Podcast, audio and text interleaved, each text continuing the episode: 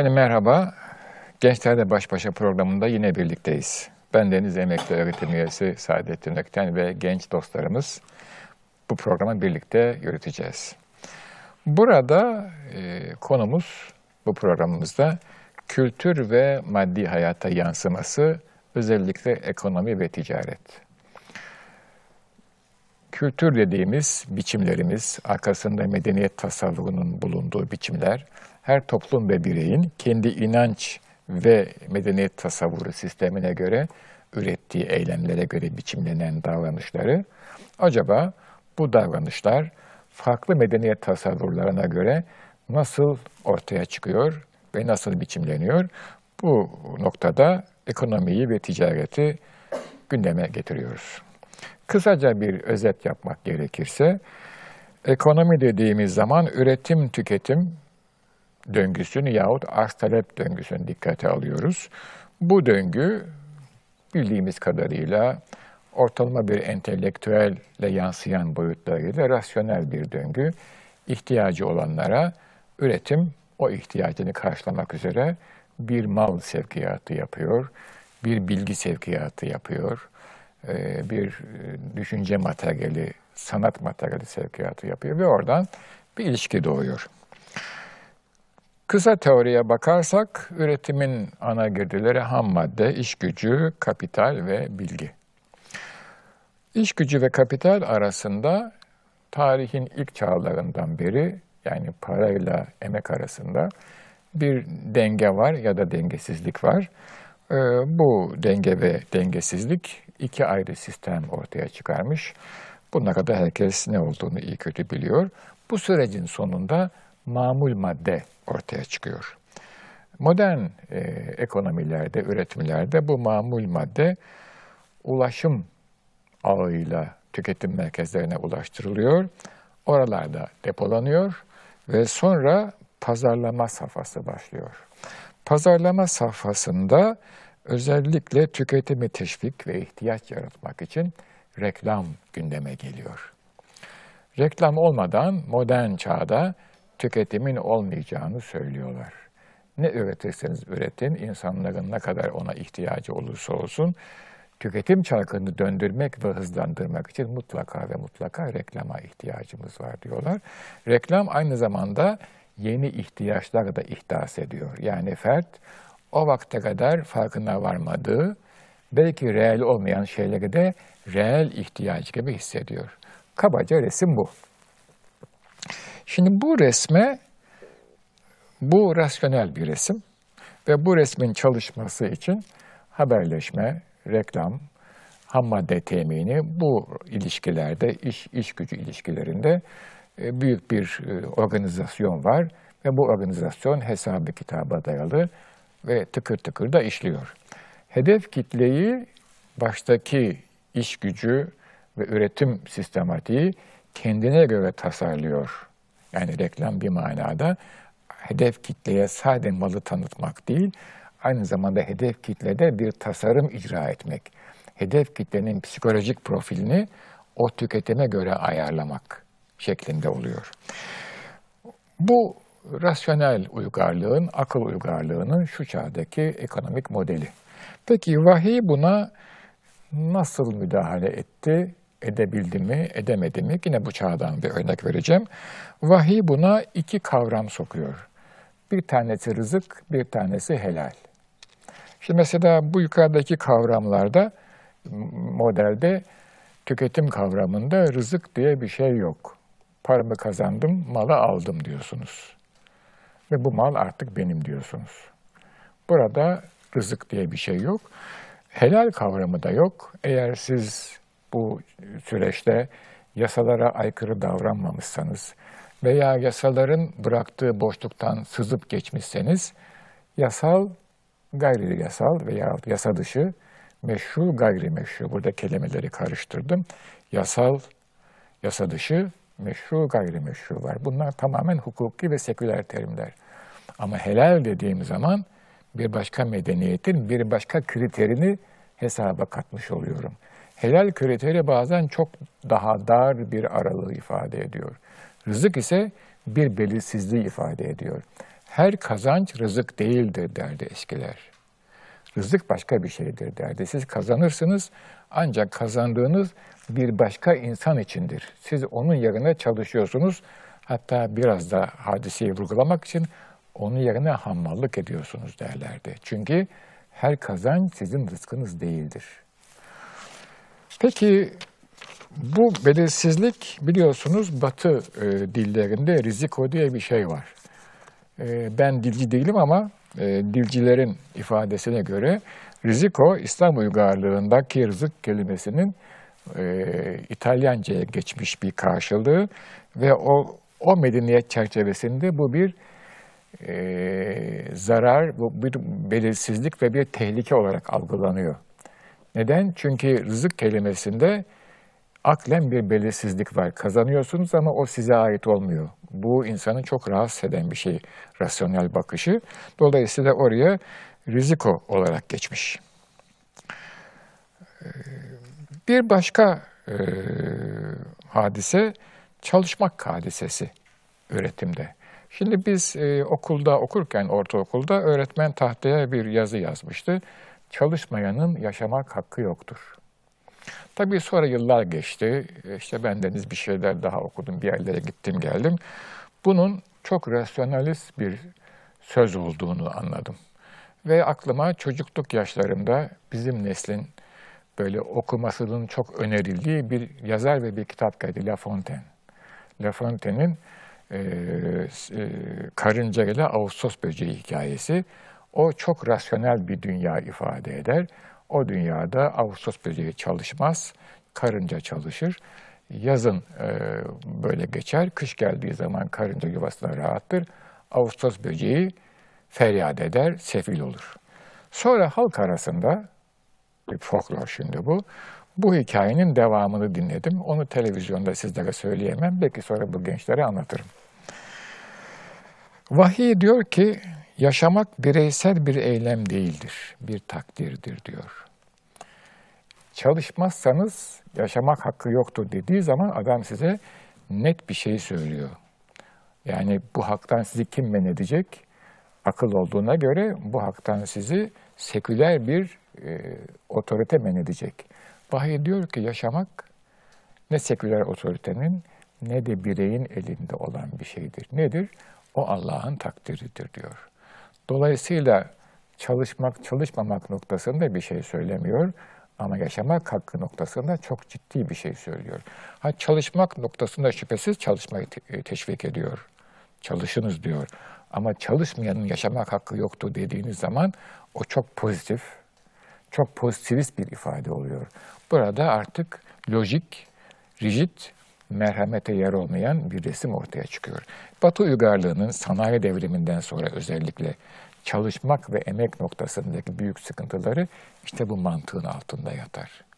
Vahye dayalı bir medeniyet tasavvurunun insanında ise şüphesiz çalışmak vardır ama yaşamak hakkı o takdir sadece Allah'a aittir. Dolayısıyla çalışmadığı veya çalışamadığı halde yaşayan insanlara bir yardım eli uzatmak diğer insanlar için bir vecibedir. Böyle inanıyorlar. Çünkü kimin yaşayıp kimin yaşamayacağına sadece Allah karar verebilir. Bir başka husus, bir başka e, kavram helal kavramı. Helal kavramına baktığınız zaman bir takım kurallara uyarak elde edilen kazanç helal oluyor, gelir helal oluyor. Üretim, tüketim zincirinde bazı bunun kuralları var. Bu kuralları beşeri bir irade koymuyor. Bu kuralları aşkın bir irade koyuyor. Yasal kurallar var, şüphesiz vergi vesaire. Bunlara da beşeri bir irade koyuyor. Yine belki başka sohbetlerde söylediğim gibi helal kuralı sabit bir referans çerçevesinin ifadesidir. Onun belki belki zamana ve zemine göre yorumu olabilir. Ama beşerin koyduğu yasaların, akli yasaların konjonktüreldir niteliği, özelliği. Onlar zamana ve zemine göre değişirler. Bir de onlar seküler yasalardır. Yani onlara uyan bir insan sadece yasalara uyduğundan dolayı bir güven hisseder, belki bir vicdan rahatlığı hisseder. Ama helal kavramına uyan bir insan bir defa o kavramın Yani zahiri boyutuna riayet ettiği için bir vicdan rahatı hisseder. Ama onun ötesinde o yasayı koyanın yani ilahi iradenin hoşnutluğunu kazandığı için de ayrı bir ruhsal huzur hissedebilir. Her zaman söylüyorum, bütün bu psikolojik hadiseler o düzene inanan insanlar için geçerlidir. Eğer bir insan vahyi bir sisteme inanmıyorsa, onun helalden dolayı böyle bir haz duyması mutlaka beklenemez. Belki duyar, belki duymaz. Ama e, vahiy bir sisteme inanan bir insanın helal kavramına riayet ettiği zaman duyduğu his onu koyan ilahi iradene, emrine ittiba ettiği için bir başka düzlemde bir huzur ve itminan hissidir. Maddi hayatın bir başka boyutuna geldiğimiz zaman burada e, ticaret karşımıza çıkıyor. Yani alım satım. Ticaret e, rasyonel bir anlaşma yapıldığı zaman mekanik bir boyutu haizdir ve rigid bir sistematik içerisindedir. Birkaç örnek var, onlardan e, size bahsetmek isterim. Vahide ise esnek ve özeldir. Bu ne demek? Yakın tarihte okudum. Bir süpermarkete gidiyor bir e, insan ve orada alışveriş yapıyor. Parası beş kuruş eksik geliyor. Süpermarkette kasada görevli bu malları size veremem diyor. Çünkü makine hesaplıyor. O beş kuruş ya kendi cebinden ödeyecek, ödemek istemiyor.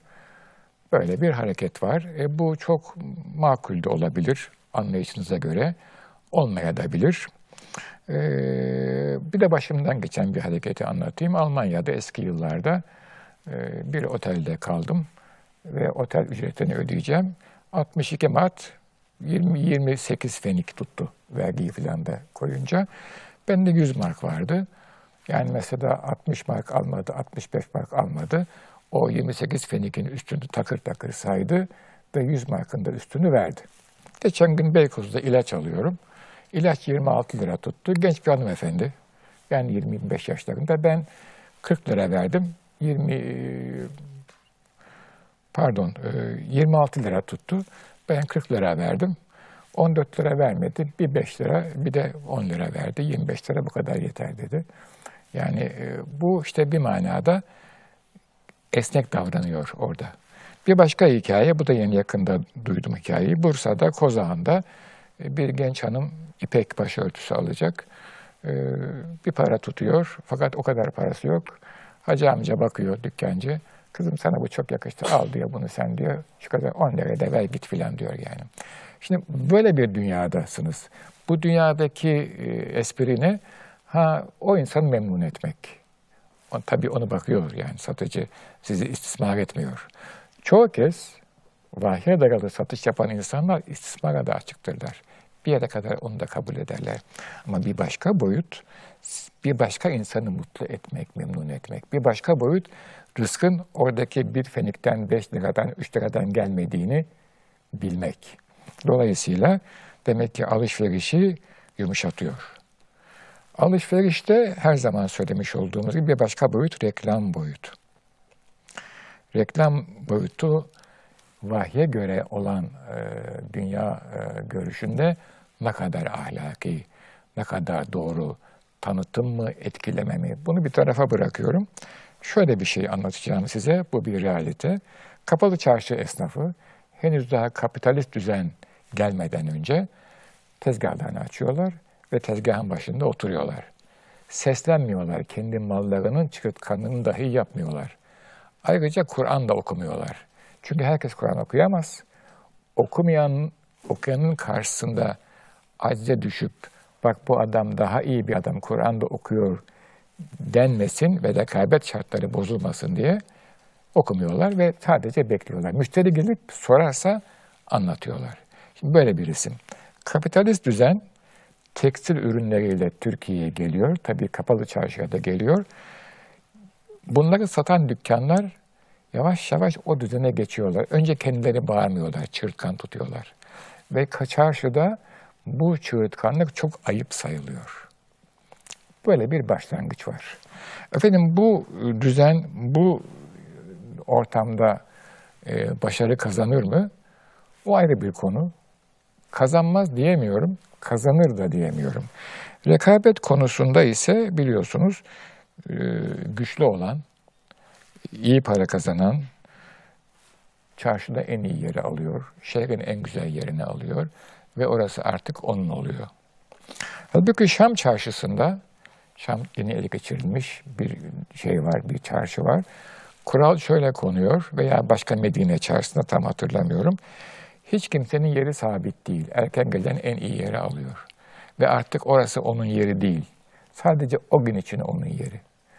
Böyle kurallar zamana ve zemine bağlı olarak değiştirilebilir. Ama illa sabit bir kural yok.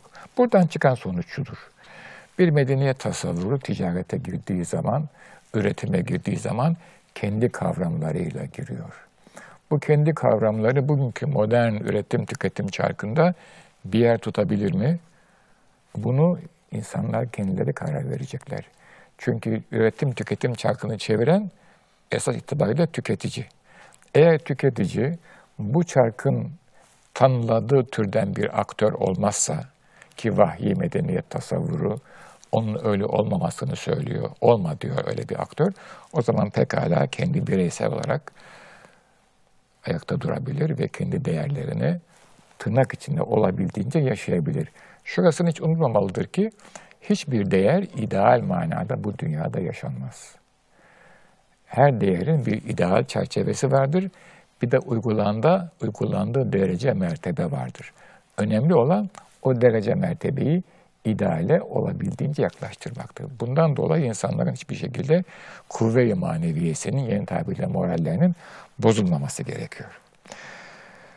Evet efendim, benim bu konuda söyleyeceklerim burada sona eriyor. Şimdi alışveriş, marka konusunu konuşalım isterseniz. Marka nasıl bir şey? Öncelikle hürmetler hocam. Estağfurullah. Ee, konuşmanızın başında konunun başlığını söylerken bir soru belirdi kafamda. Ee, aslında bekliyordum sizden de cevaplamanızı bunu sorumu karşılıksız bırakmayacağınızı ama siz farklı ba- bakış açısı yürüttünüz.